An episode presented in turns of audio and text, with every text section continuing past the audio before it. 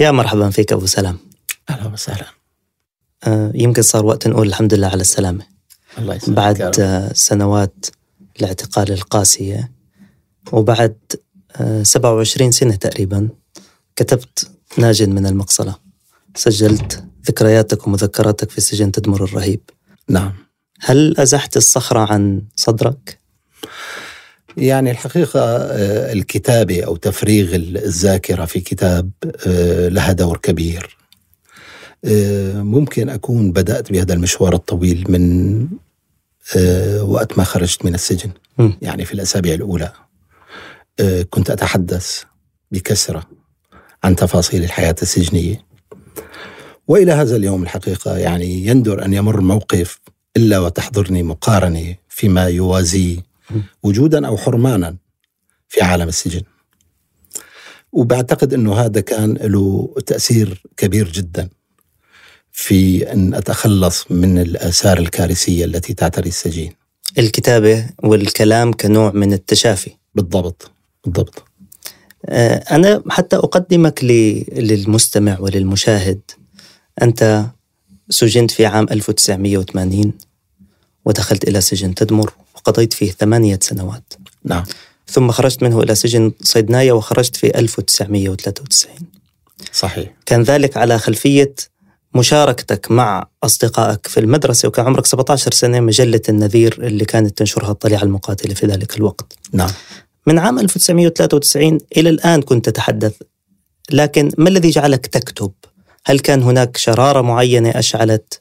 هذا الحطب من الذكريات؟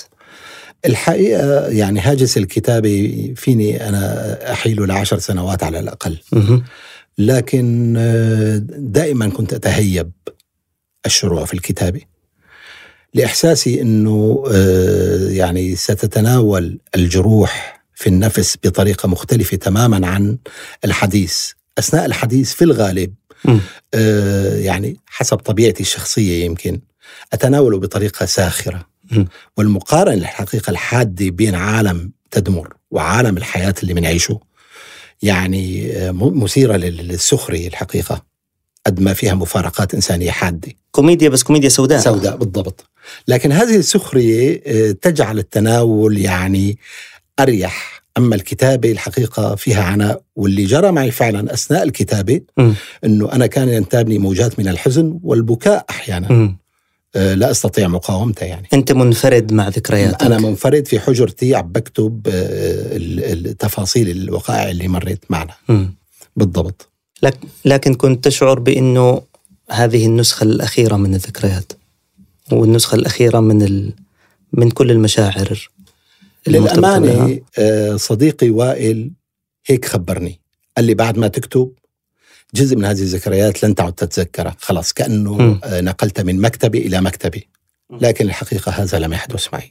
مم. حتى الآن أتحدث عن نفس الوقائع اللي ذكرتها في الكتاب واللي عشتها في تدمر بنفس الطريقة القديمة. مم.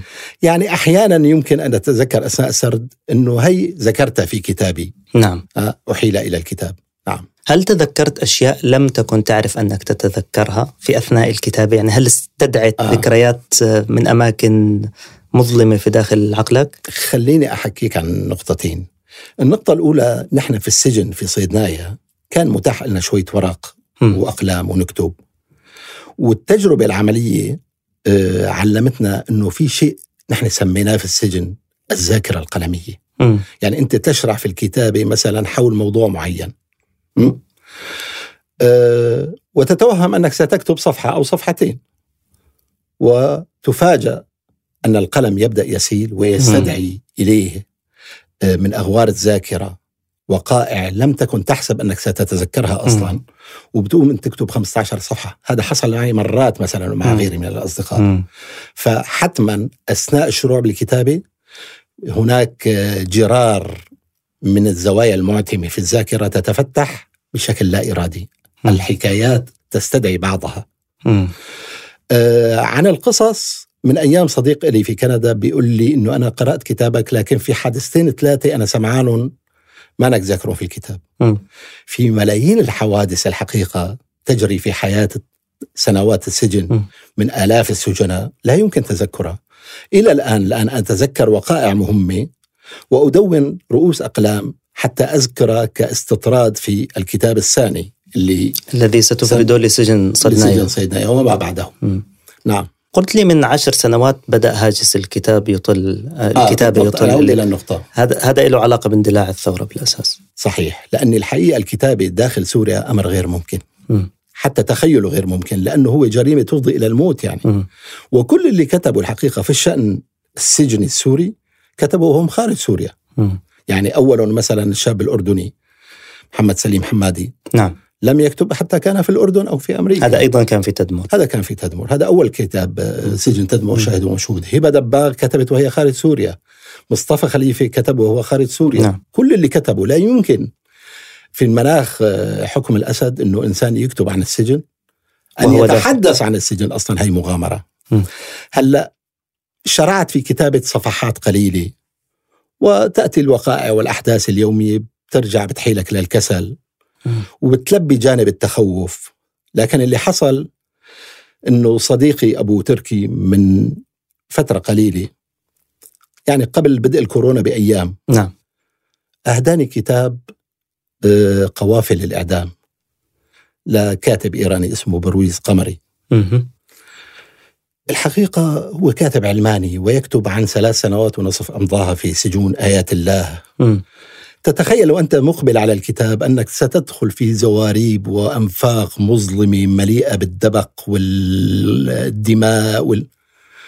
بعد 280 صفحة باستثناء حوادث الإعدام المتكررة التي تقع والتي لا نعدها شيئا نحن معتقلي تدمر الإعدام لا نعده شيئا من التعذيب مم. تعد شيء من الخلاص من الخلاص تفاجأ أن الكتاب ينتهي ولا يستخدم أكثر من عبارة فصفعني أو مم. فركلني حتى عبارة فانهال علي صفعا لا يستخدمها مم. يعني أنا أتخيل بعد ما قرأت الكتاب تخيلت كأنه أقرأ عن سجن في فرنسا مثلا نعم مش عن سجن في إيران اللي نحن بنعرف مستوى التوحش والإجرام اللي فيها فاستفزني هذا العمل الحقيقة ويعني أنهيت قراءته مم. وبدأت برشق الذاكرة على. صفحات الكمبيوتر. ولم أتوقف حتى انتهيت منه في أربعة أشهر تقريبا أو أقل. نعم نعم. نعم. لكن أنت ب- مؤخرا ما بعرف مع الكتابة وربما قبلها يتزايد اهتمامك بال- بالسجن بعالم السجن بأدبه بمذكراته ب- بعلومه إن كان له علوم. بكل تأكيد. آه وخلينا ناخذ من هي المقارنة مدخل للتفكير بموقع السجن كمنظومة عقاب جوات هذا النظام الأسدي المجرم. يعني أنت لا شك اطلعت على تجارب مختلفة من أمريكا مم. اللاتينية للسوفيت للنازيين. نعم وين بتموقع آه، السجن في في سوريا الأسد؟ المعتقل يعني إذا أردنا أن نتحدث عن مكة فنقول مكة هي الكعبة والحرم. نعم. وأشياء أخرى حولها. فالسجن يشكل الحرم في أدوات النظام السوري للحكم. آه، صنع منه حافظ الأسد عبر تاريخ طويل وتاريخ آه، مسرف في إجرامه ومتقن في تسريب معلوماته. لتدخل الذاكرة السورية عامة آه، بتسلل هادئ ورصين جعل منه إله من الرعب يجثم على صدور السوريين السوريين وغير السوريين أيضا مم. يعني يعني. الشعب اللبناني مليء بالرعب من النظام السوري نعم. على سبيل المثال. لكن لا يوجد بيت سوري يخلو من الخوف والرعب الساكن في النفوس. وكل شخص فينا عنده عشرات الشواهد القريبة من الجوار والأصدقاء والأقرباء بيقول انتبهوا فلان قرأ جريدة ودخل 15 سنة على السجن. فلان حكى كلمة راح فيها أعدام فلان كذا فصنع منظومة من الرعب وبها حكم حافظ الأسد. بقدر أسألك سؤال أتاني الآن من لا مكان آه لحظة تفجير السجن على إيد تنظيم الدولة الإسلامية داعش 2015 مه. شو مثلت بالنسبة لك؟ كيف استقبلتها؟ يعني في الجانب أول شيء الخبري للموضوع أنا أشك إنه يعني كل المؤشرات تؤكد أنه ليس السجن الذي كنا فيه هو الذي فجر، الذي فجر هو السجن الهجاني بيسموه، نعم السجن اللي نقلوا إليه السجناء القضائيين العسكريين. نعم أه، ويعني سبق أنه أنا تكلمت وفي هناك من كتب في هذا الموضوع طويلا، معظم المؤشرات تؤكد أنه ليس نفس السجن، نعم. وهذا يحيلنا إلى إشكالية عميقة وكبيرة عن مدى تنسيق الامني بين النظام وبين قوى داعش. لكن بالمعنى بالمعنى أه، أصابني انكسار الحقيقة، كان أقصى أحلامنا إحنا معتقلي تدمر وهذا شائع بيننا عندما نتبادل الأحاديث أن يبقى هذا السجن شاهد ونزوره وأطفالنا وأحفادنا في يوم من الأيام. م. كما يعني لنجعل منه تاريخ الإجرام نموذج لتاريخ متحف لتاريخ متحف يوثق هذا. لأنه هذا له له علاقة يعني متينة في تشكيل الثقافة المقاومة في المستقبل عند الناس م. أن هذا النموذج يجب أن لا يتكرر. نعم. فيجب أن يكون له تجسيد فيزيائي. لا تكفي الأفكار المرشوقة بالكتب. مش كل الناس بتقرأ مش كل الناس بتحفظ. لكن وجود مثلا سجن الباستيل وجود آه، معسكرات الاعتقال النازية مثلا. منصوبة النصب المحرقة مثلا. نعم. هذا يبعث برسائل صوتية وبصرية بشكل دائم للناس. م. كنا نحلم أن يكون تدمر كذلك. م. نعم. لذلك آه، يعني تفجير سجن تدمر خلق خيبة هائلة. تفجير السجن لا يعني أن الأسد سيعجز عن بناء سجون أخرى ويعذب الناس فيها م. يعني هو يعذب الناس الآن في المشافي والمدارس. نعم. نعم. نعم ولهذا السبب أنت تكتب حتى تقول الأجيال القادمة لا يمكن أن يستمر هذا ولا يمكن أن نعود إلى هذا يعني كل من يعمل في أدب السجون والمعتقلات وحقوق الإنسان والمنظومات الأمنية هذه الرسالة الأولى والأساسية يعني لنسمع يجب أن لا يتكرر هذا مرة م. أخرى م. لكن ألا تعتقد وما بعرف يعني أسأل هذا السؤال أه وأنا عايشت الأسابيع الماضية أقلب في عملك ومقابلاتك وأشياء متفرقة. وأجد ما يتسرب في داخلي من يعني يعرف الإنسان وحشية هذا النظام لكنه الآن يعيش هذه التفاصيل ويتشربها ويجدد العهد بها وبشمها وبذوقها. آه كمية جرعة جرعة أوفر دوز يعني من الألم. صح. يعني القارئ والمشاهد للمجزرة السورية للهول الأسدي سواء يعني فيما شاهدناه في شوارع الثورة أو في أقبية السجون فيه فائض ألم ماذا يفعل بفائض الألم هذا؟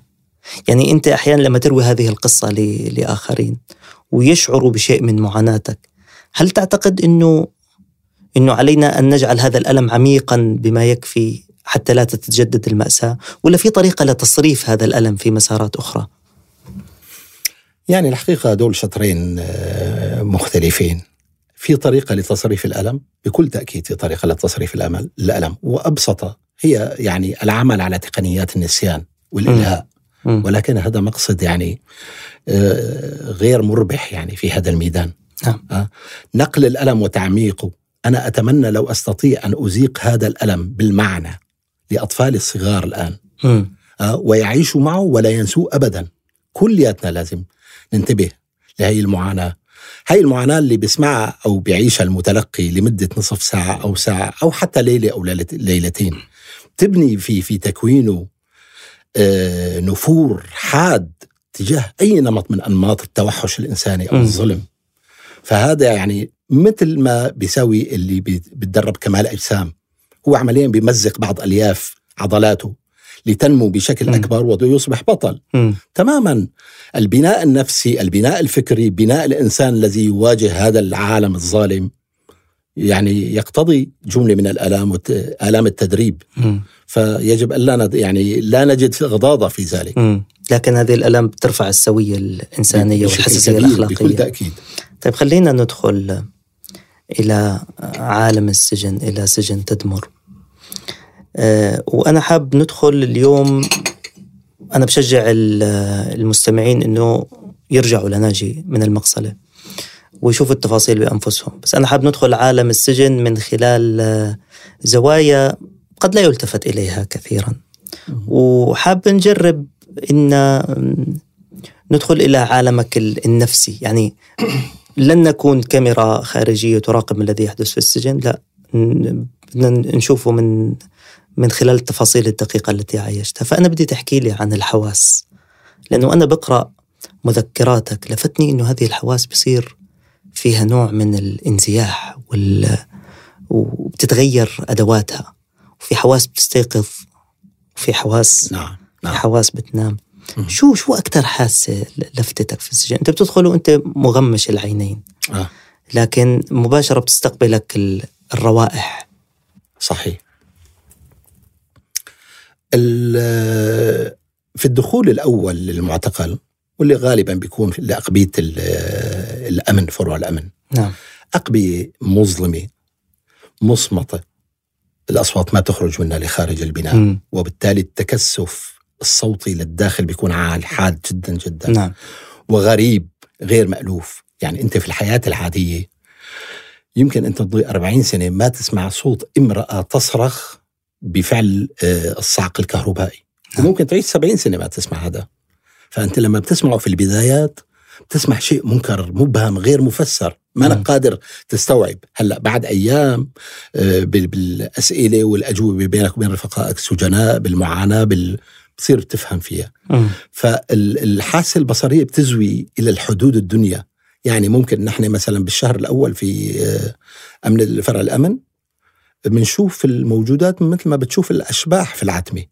ما في ضوء يعني. في ضوء ضعيف مم. جدا في آخر الممر. بينشر شوية شعاعات لكن داخل الزنزانة ما في ضوء ابدا ابدا.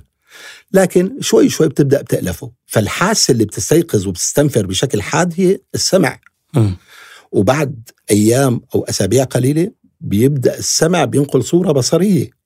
يعني انت بتسمع الصرخه فبتعرف انه الآن هذا مشبوح على الكرسي الألماني عم بيتناول جلد بالكابلات. أو بالكرباج صوت الكرباج بيختلف مثلا. صوت الصرخة اللي بتلقى من يصعق بالكهرباء تختلف كليا عن عجيب. صوت الصرخة اللي طبعا بتميز نوع التعذيب من صوت الصراخات بشكل واضح ما. بده جهد ابدا ابدا الكل بيميز يعني مم. يعني الصرخة اللي بتلقى اللي عم بنصعق كهربائيا صلقة صرخة غير واعية ولا إرادية بتنطلق بآليات دماغية محضة نعم ها ومن أعمق جوف الإنسان أما الصرخة اللي ب- ب- بتلقى اللي بتلقى ضربة كرباج أو عصا أو كبل. بتخرج من الصدر مباشرة مم. وبتحمل تأوهات وبتحمل حجم المعاناة مم. كل هذا آه، الصوت آه، آه، الجرس مثلا المتكرر نعرف إنه هذا يعني في جرس غرفة التحقيق وفي جرس مثلا لمدير السجن بيطلب عناصر مشان يحكي معهم. بنميز. الجرس بصير بيرتبط بآلام القدمين. يعني هو بي بي بيقرعوا الجرس ال الكل بيمسك أقدامه من الألم. يا الله. أي لأني هو ارتباط شرطي صار. ارتباط شرطي تماما وبشكل كتير بسيط وواضح. مم. لأنه مثلا أنا خضعت لهي العملية عشر مرات. عشر مرات قرع الجرس أخذوني للتعذيب جلدوني على رجلي مم. مثلا. كلنا هيك بنمر ف آه، بيصير مثل ما هذا التلازم الشرطي بين الأصوات وبين منعكساتها الألمية. مم. بالضبط. في لسه آه، ارتباطات شرطية شغالة؟ في أصوات أحيانا تستدعي عندك؟ يعني يحصل بندرة شديدة لكن يحصل لكن الذي يحصل أكثر هو في الرؤى. في المنامات. في المنامات. في المناطق بيحصل. آه، يعني أنا سألت ما يقارب السبعين أو 80 صديق لي من عشنا نفس التجربة وأعمارنا إلى حد ما متقاربة نحن متباينين بشكل كبير. مم. يعني مثلا أنا بمر فيني كابوس الاعتقال أو التعذيب يعني بين ثلاث أو أربع مرات في السنة. في لي أصدقاء بمر فيهم تقريبا كل أسبوعين. مم. وهكذا يعني تتفاوت الناس. قدر اهتمامها آه، بمتابعة الأمر أو نسيانه قدر خوفها الشديد من أنه يتكرر هذا الموضوع في عن ناس عندها وهم أنه قابل للموضوع يتكرر بكل. بساطة لكن لما كنتوا في السجن شو نوعية الأحلام اللي بيحلم فيها السجين يعني كل اللي بيحكوا بالأحلام بيعرفوا بالأحلام بيعرفوا ال- الظمآن. بيشوف نهر في منامه. ففي الدرجة الأولى الحقيقة كنا بنشوف آه، يعني آه، الأبواب تفتح مم. آه، كنا بنشوف بكثرة آه، لقائنا بال- بالأشخاص ال- الأقرب في العائلة مثلا. يعني مثلا فيني أقول أنا شفت والدتي مثلا في سجن تدمر يمكن 100 مرة مثلا. أيوه. بينما شفت أخ إلي مثلا مرة واحدة. فدرجة القرب إلى دور. آه، بنشوف العوالم اللي نحن بنعيشها ونفكر فيها ذهنيا. يعني مثلا بتدمر كوننا نحن واقفين على ساحل الموت. بشكل يومي على مدار الساعات فعوالم الآخرة والجنة والحساب هي كمان. ترد في الأحلام لأنه. نحن دائما هذا أحد المعاني الطاغية في. حياتنا كانت. نعم يعني الأحلام اللي لها علاقة بالمعاني الإيمانية خليني أقول نعم هلأ في جانب الحقيقة لا أملك إلا السرد ما بم- ما بملك يعني تفسير له لي أنه هناك أحلام لدى قائمة محددة من الأشخاص. مثلا إياد السعودي رحمه الله. رحمة الله عليه. أحد اصدقائنا الدمشقيين. كان معنا يعني الشاب مواليد 61 62 هذا الشاب إذا حكى منام فسيقع كأنه خبر رسمي. مم. لدرجة أقول مثلا خلال خمس سنوات في تدمر لم يحصل لي مره واحدة أن أتى الطعام علب طون سمك. نعم. سمك التونة. في يوم من الأيام استيقظ إياد وقال اليوم بدنا نتعشى سمك تونه لم يبقى أحد في المهجع إلا سخر وضحك من هذا الكلام. هيك من لا مكان. من لا مكان. شافوا بالمنام. أيوه. المساء اجى لحم سمك تونه وهي المرة الوحيدة اللي اجى فيها سمك تونه على سجن تدمر. خلال ثمان سنوات لم يحدث إلا بهذا اليوم. مثلا في أشخاص بيقولوا اليوم على التعذيب بده يجي الرقيب فواز معه اثنين شرطة فقط. مم. هذا اثنين شرطة رحمة الرحمة معناتها. يعني بالعادة بيجوا 20 مم. فبهاليوم بيجوا اثنين شرطة فقط مع. الرقيب. وهكذا. هذا كان يحصل. يعني كان نحن لذلك عندنا حصة رؤى صباحية. كل صباح في آه، نصف ساعة اللي عندهم رؤى بتبشر الناس أو بتريحها بيقوموا بيحكوها. في أشخاص معروفين إذا حكوا وكنا نلقبهم بنقول عنهم هذا مرايته نظيفة أو أيوه. شاشته نظيفة. أيوه. نعم. لكن يعني معروف إنه عالم الرؤى والأحلام بالنسبة للسجين عموما مم. هي عالم نشط. أساسية هي نفس الشيء له. نفس الشيء عالم الخيال يعني آه. واضح إنه هي الحواس آه جزء منها بتعطل وبصير فقير بالسجن ما في مدى تنظر له ما في بالضبط. نافذة بالضبط مو بس هيك والمشهد هو هو مم. يعني هال 200 شخص اللي أنت معهم في المهجع مم. نفس المشهد بتشوفه على مدى ثمان سنوات ما بتغير. ساحة التعذيب نفسها فالمشاهد محدودة كتير مم. فطبعا آه، ملكة الخيال بتصير عالية وحادة وأبسط الأشياء يعني أبسط الأشياء الحلم مثلا بكأس شاي ساخن مم. هذا بيصير يعني يعني حلم حقيقي مم. عرفت شلون؟ مع إنه الآن بالحياة العادية تقول له الواحد كاس شاي هذا أقل من أنه يشار إلى له مم. نعم الحواس كيف رجعت استقبلت الحياة؟ م- معلش تحكي لي قصة ال- المشي اللي مرة جديدة على أرض عشبية أو أو طين آه آه. آه يعني أنت تستعجل علي فقرات من الكتاب الثاني الحقيقة مم. لكن آه، في سنة ال 91 مم. آه، تم إخلاء سبيل بحدود 2850 2852 معتقل. فجزء كبير من السجن صار فارغ. وبما فيهم عناصر الخدمة اللي إحنا بنسميهم بلديات نعم اللي بيجيبوا الطعام من خارج البناء م. للداخل اللي بتجيبوا سيارات عسكرية فهداك اليوم آه، اجى المساعد وطلب إنه ينزلوا شي 15 شاب يجيبوا وكانت الدنيا صيف والممر عنا نحن بنوصل ونضيف فبنمشي حفاة. فلما طلب بسرعة ركضنا شي 15 واحد ونزلنا إلى خارج حرم خارج بناء السجن يعني إلى قسم الحديقة وقسم الحديقة وأنا بتكلم لك الساعة 7 صباحا. التراب بيكون هيك مخالطه الندى ويعني رطب فخطينا خطوات في الحديقة لبين ما وصلنا للسيارة اللي فيها آه، البراميل تبع الطعام. فالكل انتبه أو بالأحرى الكل اصابه قشعريرة يعني هذا الملمس كان لنا بالسجن تقريبا 12 سنة مم. 12 سنة في تدمر في إسمنت وإسفلت وبصيدنايا في بلاط صخ حجري يعني. هذا الملمس الناعم اللي آه، لمسته بواطن أقدامنا من 12 سنة نحن ما زقناه ولا تذكرناه أصلا. فاللي حصل إنه حملنا الطعام ورجعنا بس كلنا متمثلين لحالة غير يعني غير قادرين نشرحها أصلا يعني. ها؟ ودخلنا الجناح وعيوننا آه تدمع. فأصدقائنا بعد ما دخلنا ركضوا بخوف يعني إنه ليش عم تبكوا أنتم؟ فقلنا لهم والله دسنا على الأرض. فصاح أحد الظرفاء قال ليش كنتوا بالقبر مثلا؟ ها دسنا على تراب الأرض.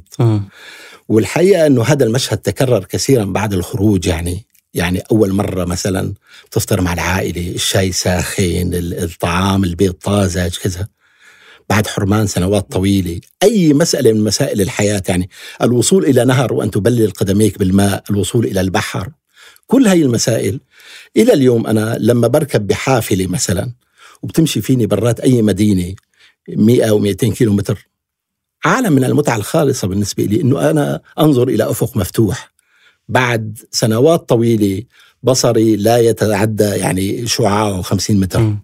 تذكرت من كلماتك كلمات الشاعر ممدوح عدوان لما كان يوصف يعني هي حيوانة الإنسان إذا بدنا نقول على أحد عناوين كتبه عن السجن لما كان يقول حين أرى ما كان اليومية يصير الحلم يعني الأشياء اليومية اللي كانت نعم. بالنسبة لي يفترض تكون بديهية بتصير نوع من الحلم وما كان كلاما مألوفا نعم. يصبح نعم. جرأة منتحر نعم. هذا ما آلت إليه الأحوال صحيح صحيح هذا الحقيقة يعني إذا أنا بذكر السير على التراب الزراعي بذكر إلى جانبه يوم تذوقنا الملح. مم. يعني في, في أهون من الملح على الإنسان. مم. إحنا اكتشفنا ولم نكن نتذكر أو يعني نلاحظ ذلك لأنه في حمئة التعذيب المستمر والايقاع اليومي الصاخب والعنيف. ما في دقائق تلتقط أنفاسك وتنتبه أنت إيش محروم وإيش مسموح يعني الغائبات من حياتك. م. لأنه الدنيا كلها غائبة. لكن في يوم من الأيام صديقنا كنان اجته زيارة بوساطات إماراتية يوما يعني علاقته مع م. شركة إماراتية كبيرة كذا قدر يزور يحصل على 30 دقيقة يشوف ابنه فيها م. هو رجل من حمص فلما أتى من الزيارة ومعه الأشياء اللي جابها والده كان في بيناتها عدة أشياء جديدة يعني علينا لكن الأخطر واللي صرخ فيها صديقنا وائل إنه انتبهوا في كيس ملح واحد كيلو جرام من الملح معنا بالزيارة فالكل انتبه ملح. ثلاث سنوات نحن لم نتذوق ذرة ملح. فيعني بدأت همهمات الناس مع بعضها تحكي إنه نحن ما منتبهين إنه نحن ما بناكل ملح ابدا. اعتدنا على الطعام المسلوق. ففورا آه، صدر الأمر إنه كونوا مجموعات من ست أشخاص ليسهل التوزيع. لأن ما في انه يوزعوا 194 شخص حصة متساوية من الملح لكل واحد. فوزعوا لكل ستة. وكل ستة كان عندهم كوب بلاستيك عبينا نصفه ماء يعني تقريبا شيء 300 ملم ماء. ووضع ملعقة طعام ملح داخله. ولما أتم التوزيع طبعا بقي عندهم يمكن مثلا 30 جرام أو 20 جرام تركوا للشؤون الطبية مشان يستعملوا كماء مالح أيوة. لتعقيم الجروح وهذا. وأعطى الإذن ببدء الأكل. فكل واحد كان جايب قطعة الخبز نغمس بماء الملح وناكل. وكأنه نحن معزومين على عجل مشوي يعني مثلا وإلى ذلك. فأبسط وأهون الأمور في الدنيا عند الحرمان يصبح لها قيمة عالية جدا جدا. نعم. طيب هاي التفاصيل رغم مثل ما بقول أحيانا منسية في عالم السجن لكن طبعا هي التفاصيل اللي تبدو هينة هذا الغائب الأشياء اليومية الغائبة.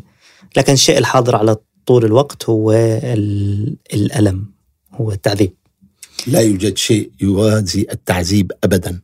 يعني كنا نقول أحيانا آه، متندرين إنه لو يلحموا الأبواب علينا بحيث لا تفتح ابدا.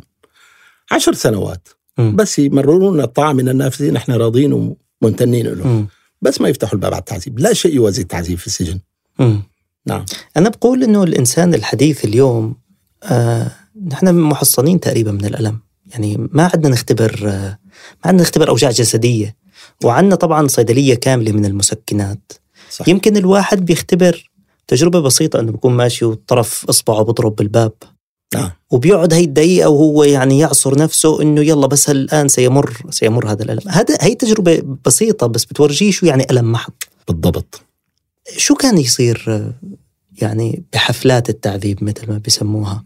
نعم. شو بي شو بفكر يعني اللي واقع تحت ضرب الكرابيج والسياط أو بالدولاب أو أو؟ شو كيف تعامل مع شو يعني الألم من الداخل؟ تقدر توصفه ولا هو شيء لا يوصف في الكلمات؟ الحقيقة لا يوصف. يعني أنا عييت وأنا أحاول أن أبحث عن مفردات. آه.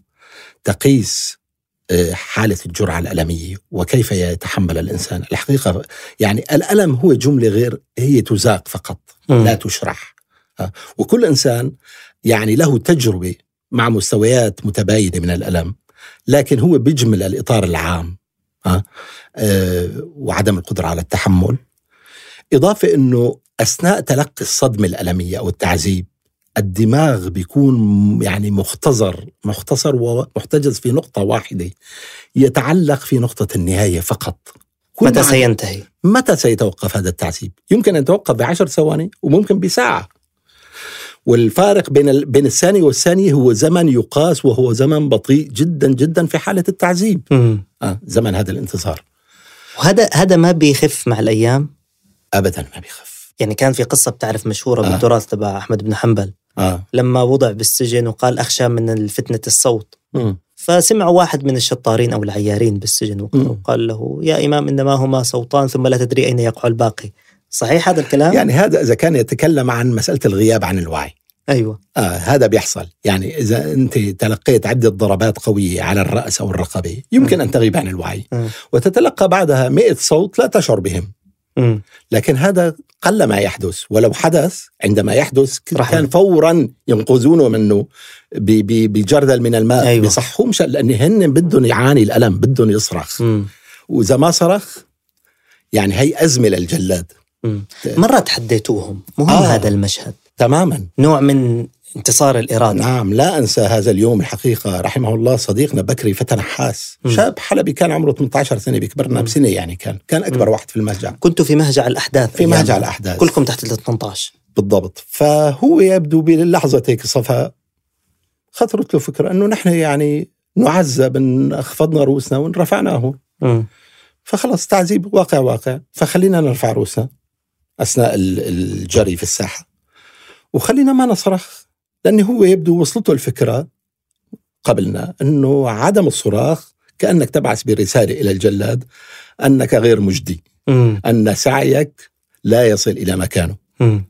ففعلنا ودائما القرارات الجامعية الحقيقيه الجماعية بتاخذ شحن عالي يعني وبتعطي للإنسان طاقة يعني م. لما يكونوا مجموعة كبيرة أخذوا على نفسهم هذا العهد بصير في طاقة المجموع بت- بترفع من عزم الشخص ومعنوياته. والحقيقة نحن أمضينا أكثر من 15 يوم نجلدهم كما يجلدونا. أيوة. نجلدهم بالصمت. لا يعني دخل في يوم من الأيام آه، ضابط أمن السجن. وقال أنتم مين؟ محسبين حالكم؟ نحن هون ألوية منزلهم تحت كنادرنا. أنتم مين يا هالبلاعيص الأولاد الصغار اللي م. فشعر إنه نحن عم نتحداهم. م.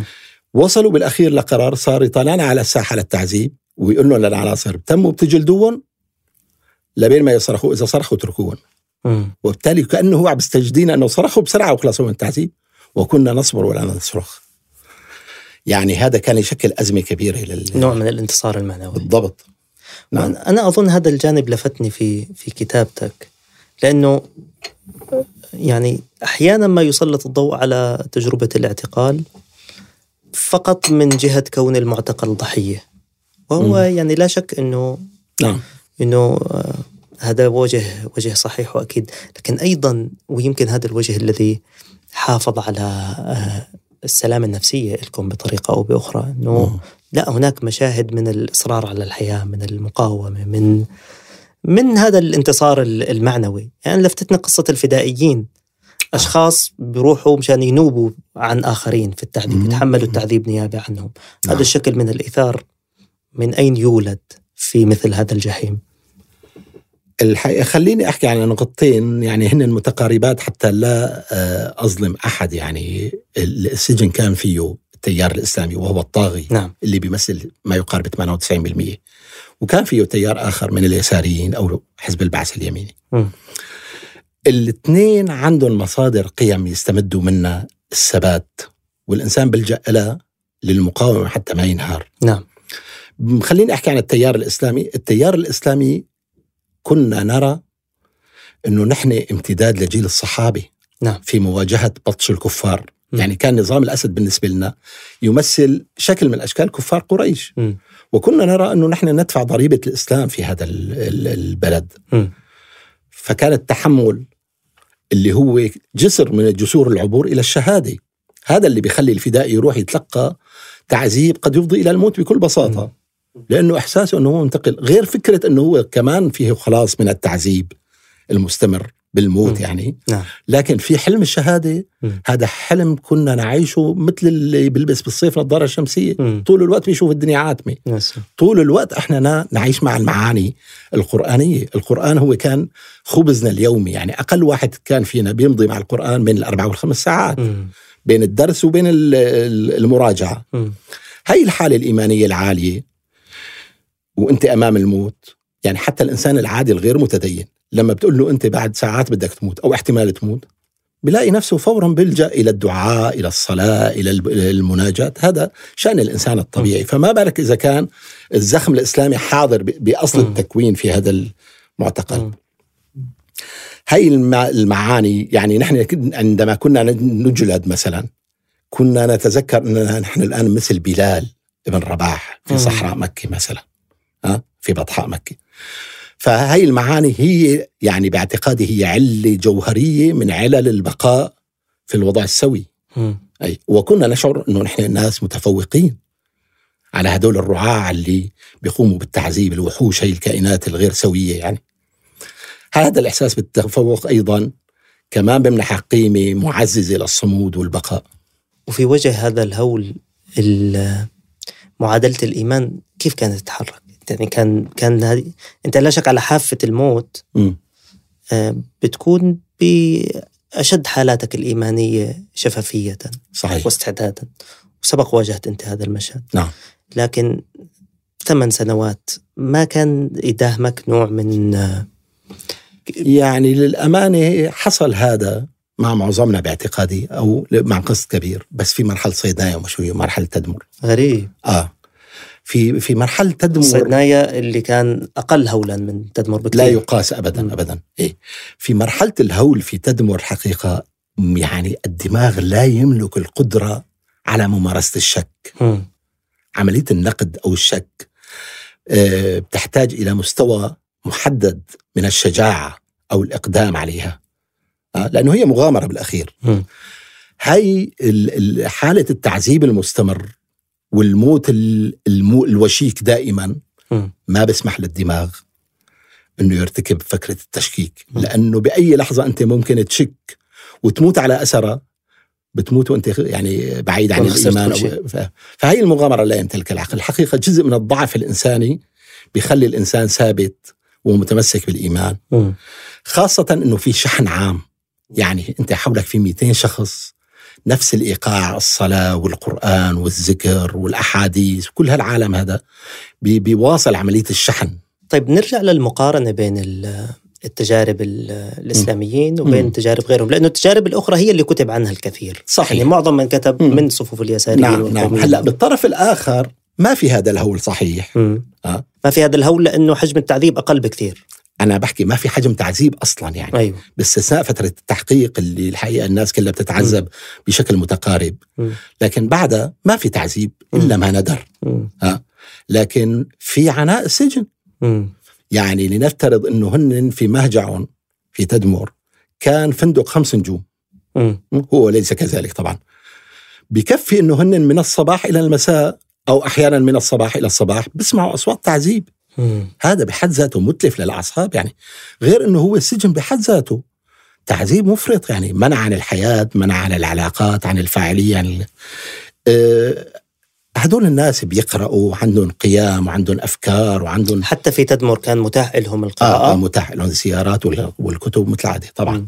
مم. فبيعيشوا كمان مع منظومات قيمية حتى المتراخي فيها أنا باعتقادي بيحاول يتمسك فيها لأنه هي أحد عوامل الصمود.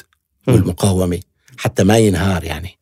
وبرجع بقول لك أنه لو كان الإنسان في زنزانة منفردة كان هذا الموضوع بيختل بشكل كبير جدا جدا. قضيت شوية وقت بالزنزانة قضيت أيام قليلة لكن يعني عالم الزنزانة عالم مدمر. يعني م. بعضهم مثلا وصل في مرحلة ما بعد سنوات أنه هو نسي اسمه.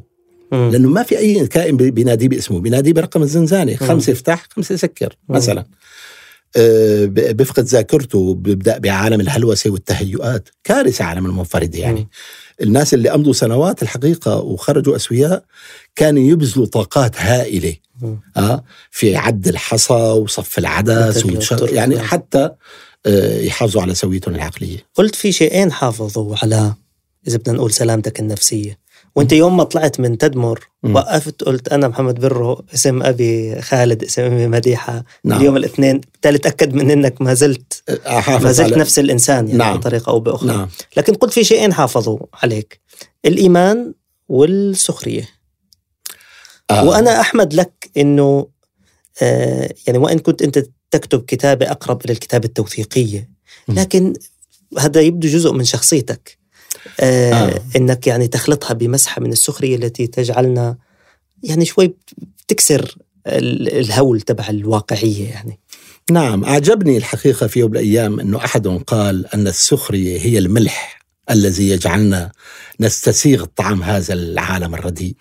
فالحقيقة أنا أؤمن بهذه الفكرة أنه السخرية هي أداة من أدوات تعزيز البقاء ويعني زيادة القدرة على احتماله مم. نعم. والحقيقة نحن كسوريين بكل أطيافنا بدون استثنائها نعيش في أجواء من الضغط المرعب يعني. ما بيرحم أحد يعني. لا بيرحم علوي ولا سني ولا مسيحي ولا درزي. الكل يعني يقع تحت رحى الخوف. الكل يمكن أن ينهار عالمه كاملا في رنة هاتف واحدة. تخيل هذا المجتمع خمسين سنة من الرعب المكثف وعشرات القصص.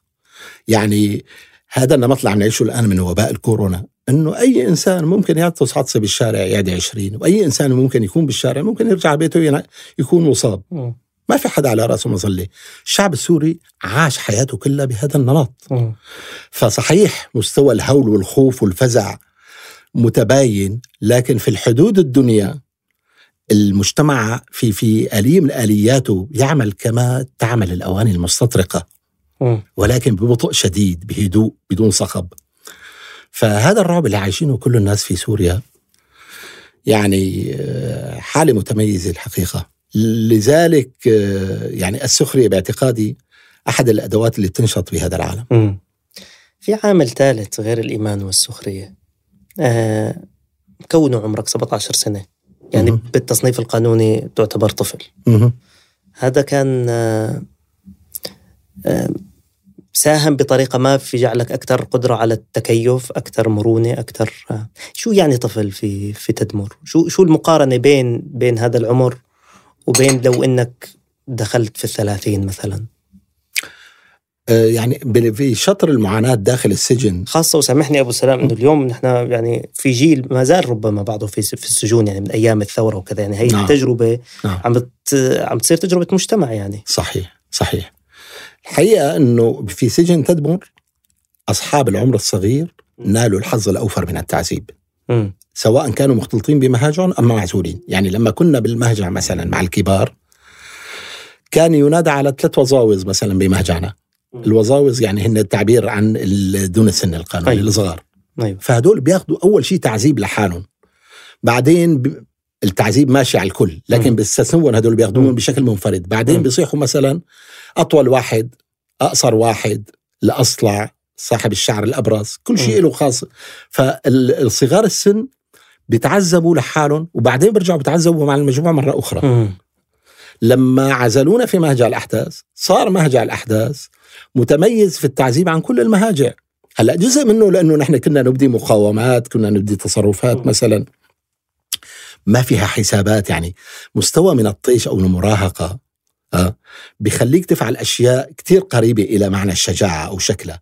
بينما كبار السن عندهم معايير وعندهم حسابات وكذا وهذا بيجعلهم يعني كثير في مقاربة مثلا بين الحكمة والجبن وبين الشجاعة والطيش. وال وال وال والطيش مثلا مم.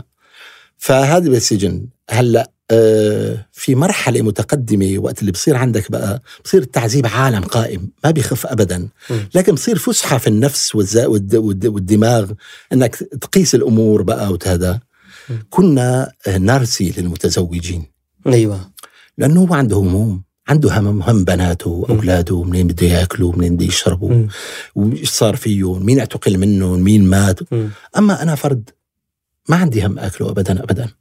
يعني أنا ابن عائلة هي بتاكل همي مش أنا باكل همها. ها بعمري مثلا في السجن ما أكلت هم إنه والدي يا ترى هالشهر بيامن راتب ولا ما هذا مش. من اهتماماتي ولا. اختصاصي. بينما لو كنت أنا أب بدي أفكر بأطفالي بدي أقول اليوم مثلا بنتي فلانة صار عمرها 16 سنة انخطبت تزوجت درست يعني هذا موضوع مقلق غير التكاليف اللي راح يدفعوها بعدين بعد ما يطلعوا من السجن نعم. وكنا نحن نحسب حساب هذا. يعني في صيدنايا كان في فرصة كبيرة لتخيل ما سيعانيه الزوج بعد ما يرجع لعائلته مثلا. طيب أبو سلام آه، خلينا نحكي عن ما بعد السجن. بعد ما يطلع المعتقل و... وأنت طلعت على الدرج وقابلت أهلك ماذا يحصل بعد بعد هذا؟ في كل الزمن الممتد ما بعد لحظة السجن. تسميت ذكرياتك ناجٍ من المقصلة. شو اللي بينجو من الإنسان؟ شو اللي بضل هناك؟ آه، الحقيقة يمكن تكون هي إحدى يعني أهم ركائز ال- الكتاب اللي أنا سميته ابتداء الشخص الثاني. أيوة. والحقيقة أنه هذا العنوان مقتبس من قصيدة نازك الملائكة مم. الشخص الثاني اللي غاب سنتين وعاد مم. لكن الذي ذهب لم يعد. أيوة. الذي عاد هو إنسان آخر بتكوين آخر. فما بالك أنت ب 13 سنة مثلا وخاصة في الشباب اللي دخلوا المعتقل وهم أحداث الأسنان. مم. يعني الإنسان اللي غاب عمره 17 سنة وعمره ورجع بعد عمره 30 صرت سنة. 30 سنة. هذا كائن مختلف كليا. مم. يعني أعيد تكوينه. أه والأهل بشكل طبيعي. ما في عندنا تجربة. نحن الحقيقة يعني أنا واحد من عشرات. نطمح أن يكون هناك مدونة سلوك لأهالي الناجين من المعتقل. مم. مثل ما في مدونات سلوك للي بيخرج من عملية استئصال معدة أو استئصال ساق. أو شخص معاق أو شخص أصم. في مدونات سلوك طبية بتقول هذا يعامل على النحو التالي. نعم. أيضا المعتقلين. المعتقلين آه، لو يعني ضربنا صفحا عن كل التحولات اللي جرت امتداد الزمن هذا. اللي طور هذا الإنسان كان بمرحلة اقرب إلى الطفولة. خرج وهو رجل. نظريا هو خرج رجل عمره 30 أو 35 لكن الحقيقة للأمانة هو خرج عمره يتجاوز ال 50 سنة. مم. بحكم كثافة التجارب والمعاناة اللي. انصقل فيها واحترق فيها. فروحه أو تكوينه الذهني يعني اكتهل في هذا السجن. والأهل بشكل طبيعي بينتظروا الشخص الذي ذهب. ما في مخيال ما في آليات. هلأ بعد هي التجربة صار عند السوريين مثلا. صار في مثلا إلمام عام غير مو- موثق غير محدد ممكن ينشغل عليه بالدراما بالكتابة. لكن صار في تجربة. سابقا ما في تجربة وبالتالي والدي لما استقبلني في ساعة الخروج استقبل نفس ابنه اللي ودعه من 13 سنة وكل الأهالي. آه الاختلاف في, في الشكل يعني احكي لي بتفصيل أكثر شو اللي بيصير؟ يعني كيف الكيمياء خاصة إنه اليوم نحن هي التجربة ليس فقط في سوريا بل يعني في كثير أخطار عربية دعني صار آه، أتحدث عن مقاربة هي في الحدود الدنيا هذا نعم. أبسط الأنواع أصلا مم. يعني مثلا والدي لما خرجت في الساعة الأولى همس بإذن والدتي قال لها الآن طاب الموت الله يعني خلاص كل ما يشتهيه في الدنيا حصل الآن ابنه صار حر مم. لكن بعد أسابيع بتفاجأ إنه هذا ال- الشاب اللي خرج له تكوين خاص يعني تخمر في في في مخامر مختلفة عن حياته وبالتالي مثلا أنا آرائي اللي كنت أتداول مع أشقائي بحديث عفوي بدون قصد أي يعني تثبيت معنى أو شيء. إنه هذا البوطي مثلا من وجهة نظري كان هو أحد لاعقي الاحذيه لنظام الأسد. المصفوف الأكبر من عالم المشايخ مثلا كانوا في ركاب النظام ويعني مطبلين له يعني م. حتى أنه البوطي يعني تقريبا بفترة آه، مؤتمر مدريد أول مؤتمر السلام بين سوريا وإسرائيل. خرج إلى التلفزيون ونحن سمعناه على الاف إم بالراديوهات في. صيدنايا كان بيتحدث عن حق الحاكم المسلم في قتل المعارضين الخارجين عليه.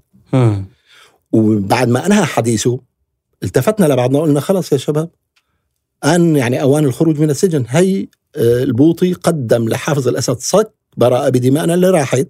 وعم ال- الأهالي إنه اللي ما بيجي ابنه الحاكم العادل قتله لأنه خرج على السلطان. وهكذا حصل فعلا.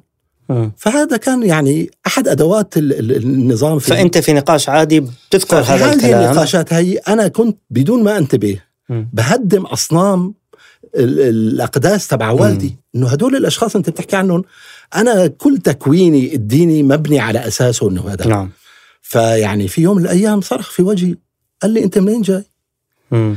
مين اللي ما عاجبك بهالبلد ومين ما عاجبك يعني كل شيء مو عاجبك. وكذا فيعني شكلت له أزمة.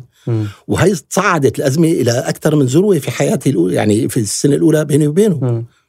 هذا نمط عالي البساطة طيب مثلا في اصدقاء لنا أيوه رجعوا لبيوتهم وكانوا هادئين جدا في العودة إلى مقعد الأب مم. يعني في البداية بركوا على البساط مع أطفالهم. هدول الناس كانوا متزوجين عندهم أو أطفال متزوجين وعندهم نعم. أولاد وكانوا مدركين الحقيقة وهذا حصل يعني في مراجعاتنا داخل السجن مئات المرات. إنه أنا عندما أعود إلى أهلي لن أعود مثلا كرجل متزوج لن أعود رب العائلة من أول يوم مم. هذا صعب ال- ال- ال- خلال هذا الوقت أكيد زوجتي اشتغلت الزوجة كانت هي تغيرت ربة الأدوار. البيت وكانت هي الأم والأب ل 14 سنة مثلا نعم فانزياحها عن الدور هذا مش عمليه بسيطة هي مم. أقصى من العملية الجراحية مم. والبعض لن يتقبلها وهذا ما حصل مم. فهذا الأب حاول انه يتسلل للعائلة يجلس على البساط بعدين يجلس على الأريكة بعدين يلعب معهم وبعد سنة وجد نفسه لم يقطع سنتيمتر واحد في الاقتراب من من. الموقع اللي لازم يرجع له هو أب أب. الأولاد يعني هو زوج السيده اللي بالبيت. فجرت حادثة بسيطة أدت إنه كان الخيار واضح قالت له هذا البيت أنا فيه الأم والأب من 15 سنة والحقيقة هي محقة كمان يعني. هي ضحية مثله تماما فإما بتتكيف مع هالوضع وإما بتنصرف فانصرف.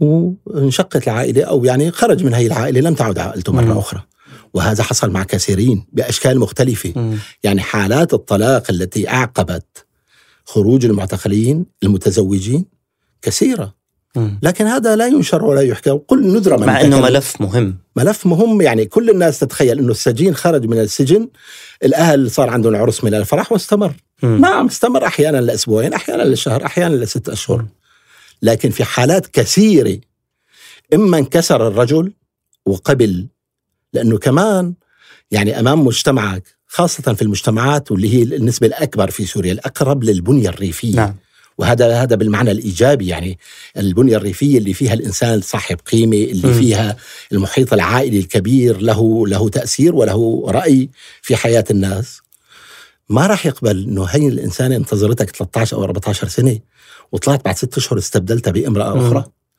قد ما كانت مبرراتك مبرراتها منطقية هذا يعتبر نوع من الكفر يعني مم. يعني أنت ناكر للمعروف نعم. والتحمل وهي المرأة الحقيقة يعني كانت فاضلة في صبرها ورعايتها للبيت و... لكن كمان هذا التشوه اللي أصاب الاثنين معا. يعني ما في بالأخير حكم عادل في هي المسألة هم ال- ال- ال- العائلة كلها ضحية بالأخير نعم المجتمع كله ضحية. بالضبط بس أنت من مراقبتك لمصائر يعني من عرفت في السجن. ومن شاهدتهم بعد السجن. آه، شو مدى قدرة الإنسان على على أن يتكيف ويعود ويستمر ويستمتع بالحياة ويعمل ويؤسس عائلة؟ إلى أي درجة يبقى؟ أنت تحدثت عن الذاكرة السجنية الإنسان بضل جزئيا هنيك. نعم. وأيضا الآخرين يستقبلونه باعتباره شخص غريب جاء ليعود إلى موقع لم يألفوه بعد. نعم. شو نسبة النجاح؟ شو نسبة الفشل؟ شو العوامل اللي بت يعني في في الدرجة الأولى الحقيقة الموضوع عائد إلى الطبيعة الشخصية لكل إنسان. مم. مثل المعادن تماما. يعني هناك معادن تحتمل مثلا طن من الوزن على السنتيمتر المربع. في معادن تحتمل 20 كيلو مثلا. مم. والناس هيك الحقيقة. بشكل طبيعي بتكوينه. وهذا التباين هذا هائل بين الناس. الناس اللي الحياة الصخب الاجتماعي جزء من تكوينهم الفطري والناس اللي تكوينهم أقرب إلى الانزواء والتوحد مم. وبيناتهم ال- الدرجات ال- الكبيرة جدا جدا مم. هلأ الحقيقة نسبة من أقبلوا على الحياة ونجحوا هي النسبة العظمى مم. يعني هي النسبة التي ترى بالعين المجردة بدون تدقيق نعم هلأ من هي النسبة العظمى نسبة كبيرة ومعتبرة كانوا مش ناجحين كانوا متفوقين جدا. يعني بزوا أقرانهم اللي ما دخلوا السجن أخوتهم مثلا أو أصدقائهم اللي كانوا معهم بالمدرسة تقدموا عليهم بأشواط خلال سنة أو سنتين مم. هلأ في جزء من هذا الموضوع له علاقة بحجم الحماس للحياة اللي راحت والرغبة العميقة في تعويضها وفي جزء آخر له آه، علاقة بتقدير الآخرين الناس اللي خارج السجن آه، خاصة للتيار الإسلامي بالدرجة الأولى يعني حتى للتيارات الأخرى كمان يعني الناس تنظر لهم بتقدير عالي أنه هدول أصحاب مبادئ وأصحاب قيم م. وجابه السلطة يعني هذا مش عمل بسيط نعم. فتقدير الناس لهم وأحيانا التقدير العالي وأحيانا الرغبة في أنه يمدوا لهم يد المساعدة ساعد الكثيرين أنه يبدأوا. ها وحماسهم العالي ورغبتهم بالتعويض ساعدهم إنه يتفوقوا وينجحوا خاصة اللي خرجوا من السجن لسه ما كانوا منغمسين في يعني ممارسات المدينة اللي بتفتت الإنسان وبتشيئه وبتوزعه م. بين التفاهات والأشياء ال- آه، فكان تركيزهم يعني على العمل والنجاح مم. فقسم كبير منهم هلأ قسم قليل جدا جدا اللي هو أخذ يعني منحى منحى الإنسان اللي بس بده يعيش. يأمن خبز أولاده ويعيش م. هذا يعني جدا قليل هذا القسم. يعني باعتقادي لا يصل إلى 10% م. من ممن أعرفهم وممن أعرفهم كثر يعني. م. نعم. طيب من تجربتك الشخصية حاب نسلط الضوء على آه، سؤال التحولات. ومرة تانية بحكم أنك آه، إضافة لمعايشتك الشخصية ومعرفتك الشخصية في هي القراءة الواسعة. لأنك تعرف أنه آه، في فرضية دائما أنه السجن يدفع الناس نحو مزيد من الراديكالية. نحو مزيد من من التصلب والصلابة. نعم. آه، إلى أي درجة هذا الشيء صحيح في تجربتك؟ يعني نحن في مصر السادات مم. قالوا طلع جماعة شكري مصطفى على إثر سجون عبد الناصر. مم. واليوم في حالة السجن أصبح مفردة أساسية في الحياة السياسية العربية. فنحن عم نحكي عن ظاهرة عن ظاهرة ممكن من خلال نشوف المستقبل. ماذا سيحصل مع أجيال السجناء الذين سيخرجون من المعتقلات؟ في السنوات القادمة. أنت بتجربتك كيف بتشوف عملية ال... الأفكار والنقاش الفكري؟ إلى أين يأخذ في كل النقاشات الغنية اللي خضتوها داخل السجن؟ يعني دعني أتكلم عن نقطتين. ذكرني بالثانية إذا نسيتها. أوكي. الثانية لها علاقة بطبيعة سجن صيدنايا نعم. وحواراته الأولى الحقيقة أنه هذا الكلام اللي حكيناه عن جماعة شكري مصطفى وسجون عبد الناصر والسادات هذا في مستوى معين من القمع والتعذيب. مم. واللي هو الحقيقة بعد ما عايشنا تجربتنا مع نظام الأسد يعني هو لا يرتقي إلى مستوى لعب الأطفال ما جرى في سجون عبد الناصر والسادات مم. لا يصل إلى مستوى لعب الأطفال مم. دون ذلك آه. فهذا نمط النمط المصري اللي حكينا عنه بيخلق هاي الحالة بيخلق حالة رد الفعل آه، تم تمركز وتفاعل الكراهية تجاه هذا النظام م. الظالم كذا اللي حصل في نظام الأسد وهذا باعتقادي أنه هو أفاد من التجربة الروسية بشكل هائل. أيوه. أنه في مزيد من التحطيم والقسوة على الإنسان تصل إلى درجة أنك تسحق قدرته على رد الفعل. حتى ذهنيا. ها ويصبح بالأخير كما كما يرتضي العبد العبودية. وهذا الحقيقة مدروس كثيرا في في علم. النفس يعني. إنه حتى في في المنظمات ال- المافيات والكذا في في مزيد من ال- الخوف والتهديد وال- والقتل والتعذيب بينسحق الإنسان وما بعود عنده قدرة حتى يمارس كراهية تجاه ظالمه أيوه وحافظ الأسد هيك عمل في المجتمع السوري كلا. في سجن تدمر كان النمط مكثفا حجم التعذيب والقهر اللي مورس في تدمر قتل أي إمكانية لرد الفعل. حتى لما خرجت أنا كنت أحكي لصديقي نهاد سيريس كنت أتبنى نظرية اسمها النظرية النابضية. وأحمد الله أنها يعني طلعت خاطئة بالأخير.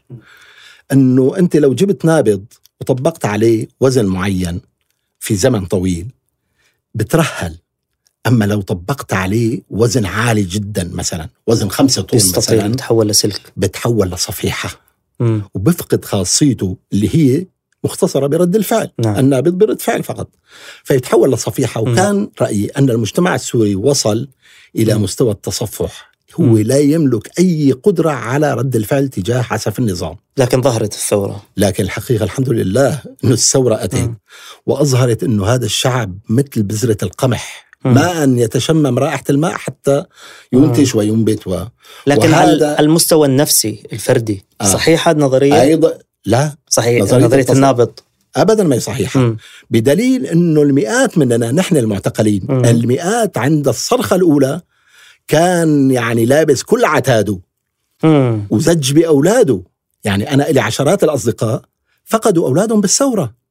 يا الله. آه وهن ما وفروا. رغم إنه يعرف التكلفة. يعرف تماما لكن الحلم بالحرية أعلى بكثير. مم. أعلى من المنطق. يعني إحنا لو جلسنا على الطاولة ودرسنا قواعد المنطق. في الحراك السوري سندرك بدون أي يعني التباس. إنه هذا لن يفضي إلا إلى الدمار. هذا النظام مدعوم دوليا بتقر بشكل فظيع يعني. سيبك من كل اللي يقال في الإعلام هذا رغاء ليس له أي معنى. الوقائع تؤكد انه هذا النظام لم يترنح. كل أعمدة الدعم آه، يعني تقف في ظهره. وهذا ما كان سر الحقيقة. يعني لو بركنا مثلا بسنة 2011 أو 2010 م.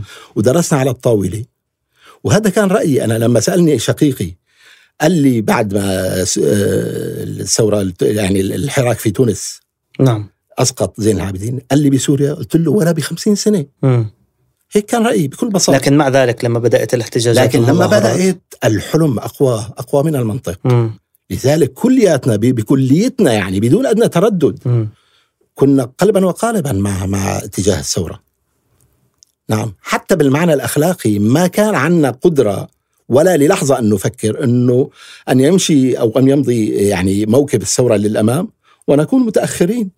اليوم كيف تنظر للأمور وفق نظرية النابض يعني بين بين بدايات تدمر وبين حالة الثمانينات حوالي 40 سنة آه. أو 30 سنة لبداية لا الثورة. نظرية النابض الآن أشد سقوطا يعني. مم. الحقيقة إنه ما دعا إلى الثورة السورية تضاعف عشر مرات الآن. مم. ولا يمكن إدخال هذا المارد إلى القمقم بأي حال من الأحوال يمكن أن يبقى الوضع في سوريا مضطرب 20 سنة مم. لكن لا يمكن أن تعود سوريا الخنوع مرة أخرى ابدا ما كنا نملكه في النفوس على الأقل عند قيام الثورة بال 2011 نملك الآن 100 ضعفه ضعف دافع الدافع والحماس نعم مم.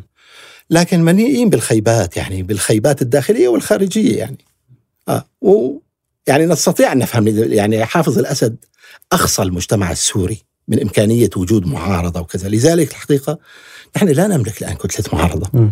عندنا مؤسسات هشة وفارغة ومليئة بالفساد ومتعفنة وليس لها من حل يعني أنا اليوم كنت بكتب في هذا الموضوع وتفاجأت إنه ما قدر القلم يبحثني عن ثغرة. مم. إنه كيان من كيانات الثورة يمكن أن يرمم ويعاد إصلاحه. ابدا صفر الاحتمال. ونشوء كيان آخر في منتهى المشقة الآن. لكن برجع بقول إنه الحالة العامة الناس آه يعني في نبتة كانت ميتة و- والآن تنمو في ضمائر الناس. كل الناس بدها تغيير بأي شكل.